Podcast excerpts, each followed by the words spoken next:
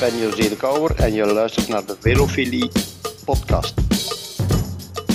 Ik ben Peter Winnen en je luistert naar de Velofilie podcast.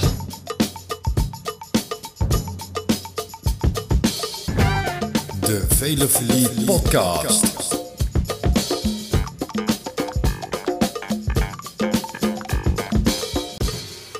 De Velofilie podcast is powered by In de Leidenstrui.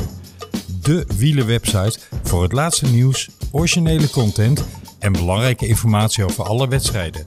In de Leidenstrui.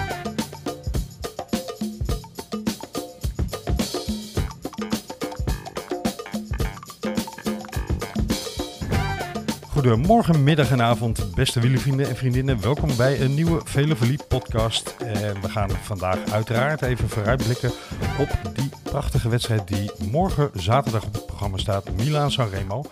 Aan de vooravond van wat wel eens een super spannende editie kan worden.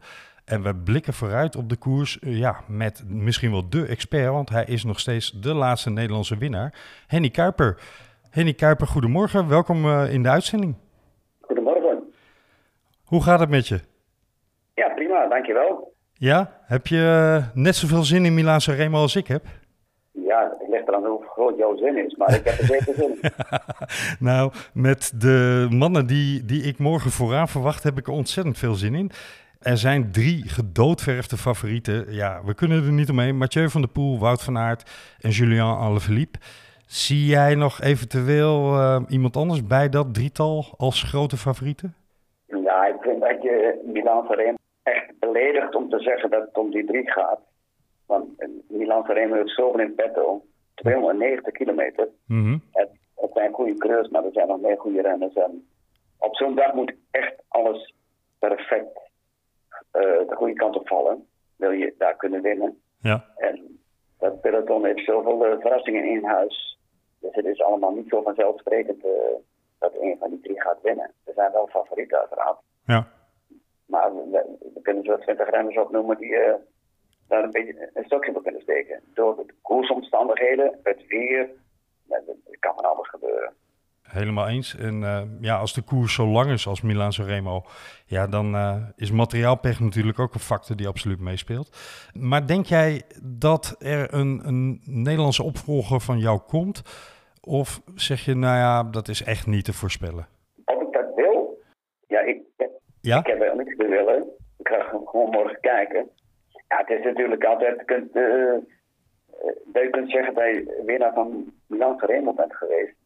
Maar uh, de geschiedenis en de sport ontwikkelt zich en gaat door. Dus die naam van mij als laatste winnaar, Nederlandse winnaar, zal best wel een keer uh, niet meer bestaan. En dat is, is, morgen wel een grote kans dat het gaat gebeuren. Ja. Het is allemaal niet zo vanzelfsprekend dat, dat Mathieu gaat winnen. Hoor. Want dat weet ik alleen wel. Alleen maar zeggen hoe moeilijk het is. Maar ja, we hebben ook met een renner te maken. Ik roep steeds, die wordt één keer in de 35 jaar geboren. En het is ook nog, nou ja, er werd ook al gezegd, je blijft de Nederlandse winnaar, want hij woont in België. Nou, dan maken we dat ervan. Dan wint hij en dan blijf ik de laatste winnaar. De Nederlandse winnaar. maar uh, ja, er zijn zoveel speculaties. Maar we gaan uh, op het puntje van de stoel zitten morgen. Absoluut, absoluut. Um, iedereen zegt altijd van Milan Remo, je moet op de Poggio uh, bij zijn, want daar gebeurt het. Maar in 1985, toen jij won, reed jij al na de Cipressa en op weg naar de Poggio weg. Is dat de verrassing die, die um, de eventuele winnaar van morgen misschien moet toepassen? Of? Ja, dat, kun je nou nog niet veel over zeggen. Je, moet de situatie zien. Mhm. Mm -hmm. Wat ik dan hoor, wat, het is 10 graden morgen, maar wel regen. Maar uh, ik, ik heb het nog niet ook zelf goed nagekeken. Als Kreur deed dat wel en hoe de wind stond. Maar, Ze hebben wind mee, ja. Maar toen ik won, uh, nou, toen was het echt uh, koud in Milaan, rond het vriespunt. Koud, regenachtig. Ik, ik, ik zie Erik Heiden, de vijfvoudig gouden Olympisch schaatswinnaar, aan de stad staan met grote mutsen op en handschoenen. En Francesco Morza, dat was dik ingepakt. En uh, ja, dan je dan 10 kilometer geneutraliseerd in Milaan. Maar echt koud, een slechte poolvlakte. Koud nog sneeuw in de grastoppen en zo. En dan kwam in Genua storm, storm echt. Wind op kop. En uh, ja, dan is het een heel andere koers als je 10 graden hebt en wind in de rug. Dan moet je wel uh, geduld hebben en wachten, want je kunt natuurlijk je kunt wel met 60 per uur vol gaan rijden, maar dat hou je niet lang vol. Dus, uh, Nee. Wielrennen is een eh, zeer tactische sport en het gaat om niet wat jij hebt gefietst en wat je laten zien, maar het gaat erom dat het eerst over de meet komt. En dan is de potje wel vaak voor het scherp Ja, tegenwoordig wordt er wel in, in de koersen die we dit jaar en met name ook vorig jaar gezien hebben, wordt er op onverwachte plekken aangevallen. Althans, uh, volgens de logica van de koers, misschien op dat moment logisch, maar niet iets wat de buitenwacht verwacht. En, en met name Mathieu van der Poel wil nog wel eens op, op momenten demareren dat iedereen denkt: oei, oei, oei, gaat dit lukken, gaat dit passen? Nou, we zagen natuurlijk afgelopen week nog dat dat prima past bij hem. Jij demareerde in 1985 samen met Silvano Rico uh, na de afdaling van de Cipressa op weg naar de Porto. Op ongeveer 13 kilometer van de meet. En vervolgens kwamen uh, van jouw ploeg, Verander Lux Dries, je ploeggenoot Teun van Vliet en Patrick Versluis uh, naar jullie toe. En zaten jullie met z'n vieren voorop. Nou, Patrick Versluis speelde jullie kwijt. En jullie reden ongeveer 35 seconden weg van, van het peloton. Dat was een beetje de situatie voor onze luisteraars. Een schets van de wedstrijd tussen de Porto en de Cipressa in. En op de Porto gaat jij en Teun rijden, rijden erg hard, uh, Teun van Vliet. Hè, vandaar ook dat gat naar het peloton. Maar op de Porto zet Teun van Vliet nog eens stevig aan. Um, het lijkt erop, als je de beelden bekijkt, alsof jij echt bewust een gat laat vallen. Was dat ook zo? Of? Nee, dat was heel goed gezien. Het was niet bewust, het was van armoede. Want, ja. uh, ik had echt al heel veel werk gedaan op het vlakke. En ook, uh, we hadden toen voor de eerste twaalf het kampioen van achteren en uh, dat aardig bezig geweest ook om weg te blijven. Toen kreeg je tempoverandering uh, omdat het bergop ging. En daar had ik even moeite mee om me aan te passen. En, en Teun trok heel hard door op. En er was ook echt geen overleg geweest om ons twee. En uh, ja, toen moest ik even de rol loslaten. En mm -hmm. ja, maar dan ben ik later toch teruggekomen. Ja, want Van Vleut, uh, van Vleuten, hoe mij nou, uh, Teun van Vliet en, en Rico komen dan met z'n tweeën voorop te zitten op de klim, de potje op. Jij zit er niet ver achter, je zit zo nou, tussen de 30 en de 50 meter eigenlijk constant. Koos je daar bewust voor, want je wilde wel door blijven rijden en in de buurt blijven? Nee, dat, dat, dat gaat echt niet bewust, dat zei ik net al. Maar Teun, die ambitieus, maar, uh, en die, die ging gelijk versnellen. Dus toen moest mm -hmm. eraf. Maar dat was ook eigenlijk zijn valkuil. Want als je de Milan van Hemel wil binnen, moet je attackeren achter. Aan de achterkant van de Poggio. Dus voor dat kapelletje wat er staat. En ja. dan is het nog 700, 800 meter naar, uh, naar de top. En dat kan een getraind lichaam naar 290 kilometer. Met alle melkzuren die je dan produceert, nog volhouden. En, en, dan, ja, dan komt die afdaling en dan moet je kijken, heb je 8 seconden of 10 seconden voorstroom alleen of met een klein groepje. En dan moet je met doodsverachting naar beneden. Maar Teun die begon al aan de voeten en is nog uh, ja, uh, een inspanning van een minuut of nou, een kleine 10 minuten misschien. En uh, ja, dan, loop je wel vol. eerder met melkzuur. En daar had ik minder afstand, dus ik kon terugkomen. En, en toen kreeg ik dat beeld van de koers dat het toch weer veranderde. Ja, even over de afdaling, Henny. Want je kunt op de beelden zien dat jij in de afdaling inderdaad ook weer flink inloopt op die twee. Was dat ook jouw, uh, jouw ervaring? Je was een, uh, ja. uh, een rijpe coureur, 36 jaar op dat moment. Hè? En je had die potje natuurlijk al regelmatig afgereden. Spra speelde dat mee, dat jij sneller durfde te dalen? Koersliefde, voorbereiding, ervaring. En het was, ik had het over de storm en die was op kop en daar ook. En, maar ik Max ging ook altijd de potje bekennen. Elk jaar weet je geloof ik zeven keer gewonnen. Maar uh, ik ging dan met volle snelheid. Er zijn drie bochten die echt, uh, waar je echt moet oppassen. Maar daar ging ik vol in. En dat was net of je met een parachute reed. Als je de bocht ontkwam. Dus, en daar heb ik risico's genomen. Maar ook verantwoorde risico's omdat ik wist hoe de situatie was. En zodoende kwam ik terug bij hem. En toen? Het ja, beroemde en, moment. Ja, het, het, moment, het was uh, ja, geen moment. Ik, ik, kwam erbij en uh, ik weet gewoon dat wanneer je uh, na de Poggio voorop zit, dan moet je niet aansluiten, dan moet je echt doortrekken. En ik kwam terug en ik verwachtte dus dat Teun en Rico gingen aansluiten. Maar die, die ja, die zaten in dubio. Die, eigenlijk was het heel normaal geweest dat Rico gat er dicht gereden. Maar die bleef ook zitten en ik was misschien ook ja, ja, aan het eind van zijn Latijn. En ik, ik rijd dus vol door. En ik Mhm. ga opzij, want mijn benen beginnen ook willen verzuren. Ik dat ze een keer overnemen en dan kijk ik achterom en uh, toen was ze, uh, was ze niet, was niet in het wiel. Ja, nu ben ik, hé, hey, wat is dit? En toen pas besefte ik, uh, nu moet ik vol doortrekken, want dan kan ik winnen. En ja, op, op de uh, typische Henny Kuiper stijl en manier um, rij je door naar de finish. Grote verzet, hè? de 12 zeg je net, die jullie voor het eerst hadden. Ik denk tenminste dat je op de 12 rijdt daar, klopt dat? Ja, dat klopt wel, ja. En uh, ja, boek je een prachtige overwinning. Mag ik kort zeggen dat dat een, een overwinning puur op wilskracht is? Ja, dat mag je wel zeggen. Dat was ook, ja. Want eigenlijk was Milan Remo echt, als je zegt, die van de vijf monumenten zou het moeilijkste kunnen winnen, dat Milan Remo. Omdat het ja. snelle koers is en uh, hoog, uh, hoog. Dus ja, ook snel. Maar door het slechte weer was het zo zwaar. En ja, dat, kwam, dat was voordelig voor mij. En ik, ik was echt uh, de man van de lange adem. En doordat het zo slecht was, kon ik dat uitbuiten. En dat was prachtig. Ja, precies. En daardoor uh, past hij ook prachtig op jouw uh, indrukwekkende palmares, je indrukwekkende erelijst. Vier van de vijf monumenten gewonnen. Alleen Luik, Bastenaken, Luik niet, helaas. Maar um, ja, er zijn weinig uh, Nederlandse coureurs en überhaupt weinig coureurs die jou dat hebben nagedaan. Er is er eentje in het peloton op het ogenblik die op diezelfde stand staat als jij, Philippe Joubert. En we weten allemaal dat hij er een groot doel van gemaakt heeft om Milaan Sanremo ja, te willen en hopelijk te kunnen winnen voor hem. Zie jij voor hem nog kansen met ja, de mannen die uh, wat betreft de explosiviteit op het ogenblik het peloton een beetje domineren? Heeft Joubert nog een kans? Ja, in, in België roepen zal hij zeker geen kans, maar hetgeen hij allemaal gewonnen heeft, uh, waarom zou hij geen kans hebben? Maar het is natuurlijk, zijn kansen zijn wel verminderd. Je kunt zeggen, hij is wat ouder, maar ik was ook op leeftijd. Maar van de andere kant, uh, je moet een groot coureur nooit onderschatten. Hij gaat steeds minder zijn grote, met grootste dingen uitpakken. Maar ja, ik heb hem in Parijs niet uh, zien rijden. dacht ik, zat hij toch een keer uh, in ontsnapping. Dus hij is er wel geweldig mee bezig. Maar ik heb te weinig kennis van de actuele verhouding in peloton. Zeggen.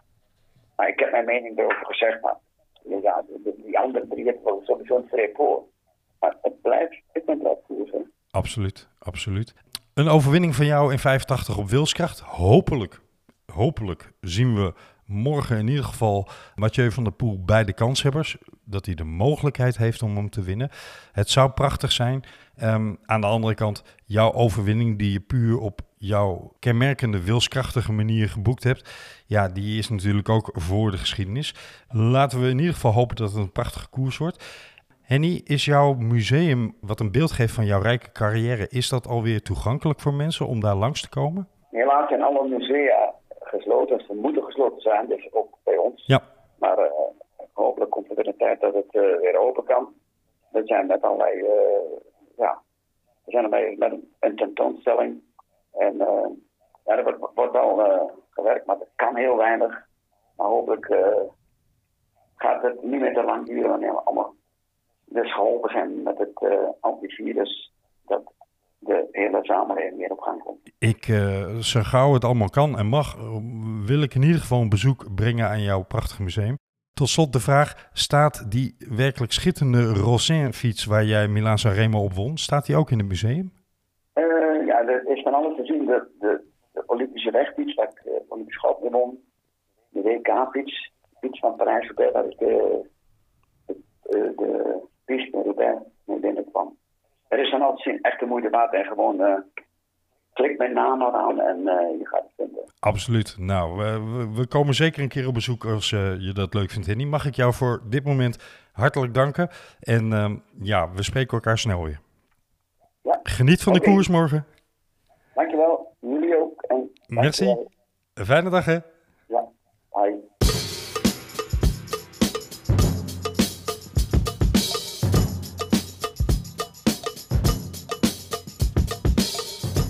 Ja, dat was Henny Kuiper met een voorbeschouwing op Milaan Sanremo morgen. En uh, jullie konden horen, hij heeft er net zoveel zin in. Maar hij zegt wel, koers blijft koers. Het is onvoorspelbaar. We kunnen wel roepen dat er drie grote favorieten zijn. Maar ja, er kan zoveel gebeuren. En zeker in zo'n lange koers als Milaan Remo. Het moet maar blijken of die dan uh, voorop komen te zitten. Er zijn natuurlijk ook nog wel wat andere namen die uh, ja, mee kunnen spelen ten aanzien van Milaan Remo morgen. En die ga ik eventjes doornemen met Tom van In de Leidenstrui. Tom, welkom in de uitzending. Yes, goedemorgen, goedemiddag. Ligt aan hoe laat deze online komt. Exact, exact. Fijn dat je eventjes uh, tijd hebt om met mij samen ja, toch eens na te gaan van ja, hm, er zijn natuurlijk drie grote namen waar iedereen al ja, weken inmiddels over spreekt. Maar het zou ook zomaar een koers kunnen zijn, want Milan Sanremo is wel een koers. Hè. Er kunnen verrassingen plaatsvinden. Waar een van de namen die we nu met z'n allen misschien wel een beetje over het hoofd aan het zien zijn, morgen uh, ja, met de bloemen staat. Ik wil even een, uh, een, aantal namen met je doornemen. Ik heb er een paar opgeschreven. Ik denk dat jij er ook een aantal in je hoofd hebt. Zullen we, omdat jij te gast bent, even beginnen met jouw namen? Uh, ja, ja, is helemaal prima. Nou, eigenlijk heb ik een paar namen samengekoppeld als eerste. Ik denk dat de. Ik ben eigenlijk wel heel benieuwd naar de tactiek van Quickstep uh, Zeker. zaterdag. Die, hebben zo, die komen met zo'n goed team opdraven, met zo'n sterke tweede lijn, dat het eigenlijk, ja, mij lijkt het zonde als ze alle ballen op Alaphilippe zouden zetten. Dus ik denk, ik denk dat hoe de koers verloopt, dat dat heel erg afhankelijk kan zijn van de tactiek van Quickstep. Van wat doen ze met een Askren, wat doen ze met een Lampaard, wat doen ze, wat doen ze met een Stibar. Mm Gaan ze dat soort mannen echt al op 70, 80 kilometer van de finish inzetten en dan staat er een mooi groepje waar die van Jumbo en Alpecin dan weer achteraan moeten. Dan denk ik dat we een ja, langere finale dan dat we gewoon zijn kunnen zien in Milaanse Remo. Dus daar ben ik eigenlijk wel benieuwd naar. Ik ook, ja. Ik had het net met Henny nog over dat toen hij in 85 won, uh, hij wegreed tussen de Cipressa en de Poggio in. Het gebeurt dus niet altijd alleen maar op de Poggio.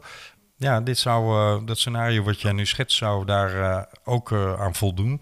Dat de koers al eerder ontbrandt dan alleen maar de laatste 800 meter op de Poggio.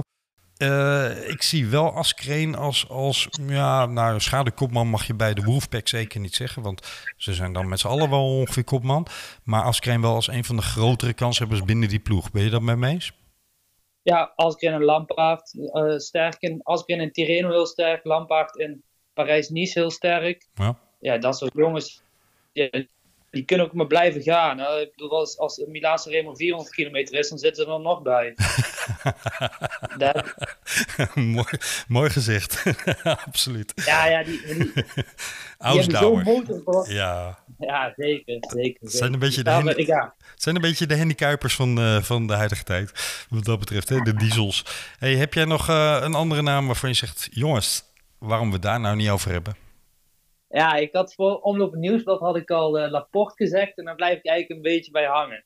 Hmm. Die, uh, die zat ook in die beslissende groep waar Alaphilippe uit de weg reed in Omloop Nieuwsblad. Vervolgens kwam hij zelf nog als tweede, derde boven op de muur. En in de sprint raakte hij een beetje ingesloten, maar ik vond hem ook in, uh, in Parijs-Nice vond ik hem gewoon weer heel sterk. Het was dat Magnus Kort eigenlijk iets te slim af was in die laatste rit.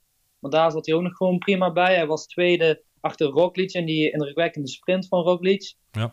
Ja, ik, en dat is ook gewoon iemand met tijdritcapaciteit. Die kan zo'n muurtje als de Poggio echt opknallen. En ja, daar Ja. wordt denk ik een beetje overheen gekeken. Ik hoor veel Matthews, hoor ik veel als kans hebben. Maar ja, ik zou Laporte zeker in diezelfde categorie scharen.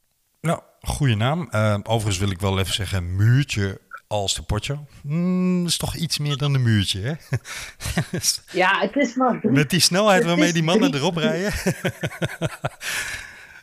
Jij en ik Ja, het overleven het niet hoor. Dus Ja, het is maar het 4% gemiddeld. Hè. En zo'n Laporte is echt iemand van dat soort stijgingspercentages. Volgens mij heb ik al een paar keer een tijdrit zien winnen. Die eindigt op zo'n ja, ja, op zo'n puist. En ja, hij kan het wel gewoon echt aan. Het is, het is, een, het is eigenlijk een diesel en een eh, Ferrari in één, die Laporte. Dus ik ben wel heel benieuwd hoe hij het gaat doen. hey, we sloegen net absoluut één naam over wat betreft de Wolfpack, hè? Eh, Ballerini. Ja, zeker. Zeker, zeker. Ja, 100%. Die, eh, als, die moeten ze gewoon kwijt eigenlijk, denk ik. Alleen ja, hij was zo indrukwekkend in omloop. Maar ik denk niet dat ze, net zoals in omloop, zo voor hem gaan rijden. Ook omdat Bennett er nog bij zit. En Bennett, ja, die klom in Parijs-Nice ook gewoon als een, als een beest. Volgens mij in die laatste rit. Nou, ik weet niet of je hem hebt gezien, maar hoe hard Mhm. daar werd gereden. En volgens mij werd Bennett, die zat daar in het tweede groepje achter de groep, eh, Ja. achter de groep van de klassementsrenners. Dus ja, ik, ik ben heel benieuwd hoe die wisselwerking daar gaat zijn. Ook omdat ja, Ballerini die heeft natuurlijk al een zege in de zak. Dus ik, twijfel een beetje of die hier als kopman uitgespeeld gaat worden. Maar ik ben er wel zeker van dat ze die kwijt moeten. Ja, ik heb ehm, de beelden van vorig jaar, was het volgens mij, of 2019 nog eens teruggezien. Nee, vorig jaar was het dat Bennett toch gelost wordt op de potjo. Is eigenlijk misschien wel net, net te veel met die snelheden voor, uh, voor Bennett. Maar we zullen het morgen zien. hey, als we het over uh, mannen met een sterk eindschot hebben, uh, Trentin? Oeh, Poeh, die had ik er eerlijk gezegd niet bij staan. Ook, ik, ik heb een beetje het idee dat in die ploeg een beetje een driedeling ontstaan is. Je hebt Christophe met zijn uh, ja. vaste vriend Bistrum. Je hebt die Zuid-Amerikaanse alliantie met Gaviria en Richese. En dan heb je nog een paar Italianen. Ik zie niet echt een chemie ontstaan. Eigenlijk een beetje hetzelfde als dat Trentin vorig jaar met Van Avermaat had. Ja, hij rijdt heel goed, maar of hij, ja, hij zal misschien 8e, 9 worden, maar voor de winst. Ik zie niet echt een manier waarop Trentin kan winnen. Of hij moet een een lepe aanval doen in de laatste kilometers. Net zoals uh, Mats Pedersen vorig jaar in Gent-Wevergem. Dat kan niet wel, hè? Ja, het is, wel, het is echt een lepe gast. Die zit er ook altijd bij. Volgens mij werd hij in die Gent-Wevergem zelf een tweede of derde. Ja. Dus dat, ja, dat zijn wel voor die mannen. Hetzelfde geldt eigenlijk een beetje voor Søren Krauw Andersen. Die zie je eigenlijk de hele wedstrijd niet. Alleen plots zijn ze weg en uh, zien ze pas na de finish zien, zie je ze pas weer terug. Ja, precies. Iemand die altijd goed rijdt, lijkt het wel Milan Sanremo, uh, Mate Moric. Ik heb, er ja. nog, ik heb er nog niet veel van gezien dit jaar. Nee, het was tot nu toe drie keer niks. Ja, ik ben wel echt fan van hem, dus ik, ben ja, ik hoop eigenlijk wel dat hij erbij zit. En als, ja, als je die over de top van de potje hebt, dan proeft hij in de afdaling proeft hij iedereen eruit. Dus die moet je, ja, die moet je ook zeker kwijt. Denk je? Ja, die gaat, ja, nou, Van der Poel kan natuurlijk ook wel een eindje dalen, maar Moritz is echt van, die kan wel echt afdalen. Ja, dat is Ja. bizar. Dat is gewoon... Ja, dat is een daredevil. Het is gewoon, een, het is gewoon een, eh, een skier als je naar hem kijkt bijna. Zo gaat hij door die bochten heen. Alsof het een paar van die hekjes zijn waar ze omheen moeten. Ja. Maar ja, winnen, winnen. Ik Ja. ben er bang voor. Ja, eigenlijk geldt een beetje voor alle namen waar we het nu over hebben. Ik noem ze niet voor niets de outsiders. Dat ja, er moet een, een onverwachts voor iedereen nu niet eh, bedacht plot van eh, de koers morgen ontwikkelen. Willen die mannen, denk ik, juichend over de meet komen. Maar ja, je weet het nooit bij Milaan Sanremo. Er zijn wel eens verrassingen geweest. Ehm, ik wil even een klein blokje IF eh, pakken. Bettiol, Magnus Kort en Stefan Bisseker. Vooral die laatste. Ja, ja, ik las toevallig net een interview met Kort op een Deense site. En Kort en Bettiol gaan ze uitspelen als kopmannen. Ja. Dus daar wordt niet gerept over Bisseker. Ja, ik ben ook bang voor. Bisseker is natuurlijk een, eh ja, een bidon ook. Die kan natuurlijk ook gruwelijk hard rijden. Alleen het is natuurlijk pas een eerste monument. Volgens mij zelfs een eer- eerste grote klassieker. Dus ik denk, eh, ja, als hij lang mee kan, dan is voor hem de koers al geslaagd. Als hij een handje kan toesteken aan Kort of Bettiol. Maar dit zijn wel van die man. Ook, ik, ik, ik zie daar ook Higita staan. Hè. Dat vind ik ook echt interessant. Want volgens mij in die ritten die van de Poel en Alaphilippe won, werd hij derde en vierde. Ja, recht goed. Dus dat is ook zo iemand waar je van tevoren. Die kan ook wel zo'n eh, heuvel oppoefen en vervolgens erbij zitten. Maar ook voor hem geldt. Ik zie die eerder zesde of zevende worden dan eerste natuurlijk. Nou ja, kijk, Hikita is natuurlijk min 14 kilo. Dus die, eh, die heeft absoluut mee dat hij een springveer op de potje kan zijn. Maar ik heb hem ook wel eens in een waaieretappe gewoon ergens in Vlaanderen tussen de mannen van eh 80 kilo zien rijden. Wel uit de wind, eerlijk toegeven. Maar eh, hij werd toch ook niet echt uit die waaier gereden. Dus dat, eh, dat is een goede naam om eh, in de gaten te houden. Ehm, eigenlijk geldt voor Stefan Bisseker wat ook voor Tom Pitcock geldt. Het is zijn eerste monument. Maar ja, Milan eh, of ehm Strade Bianca was natuurlijk ook wel de eerste keer dat hij een dergelijk grote wedstrijd op de weg reed. Viel hij me toch ook niet tegen? Hè? Dus ik hou, Nee. ik hou hem toch in mijn achterhoofd. Nee, en Kuur niet vergeten, hè, want daar spurte hij gewoon naar de derde plek volgens mij. Die stond er op het podium.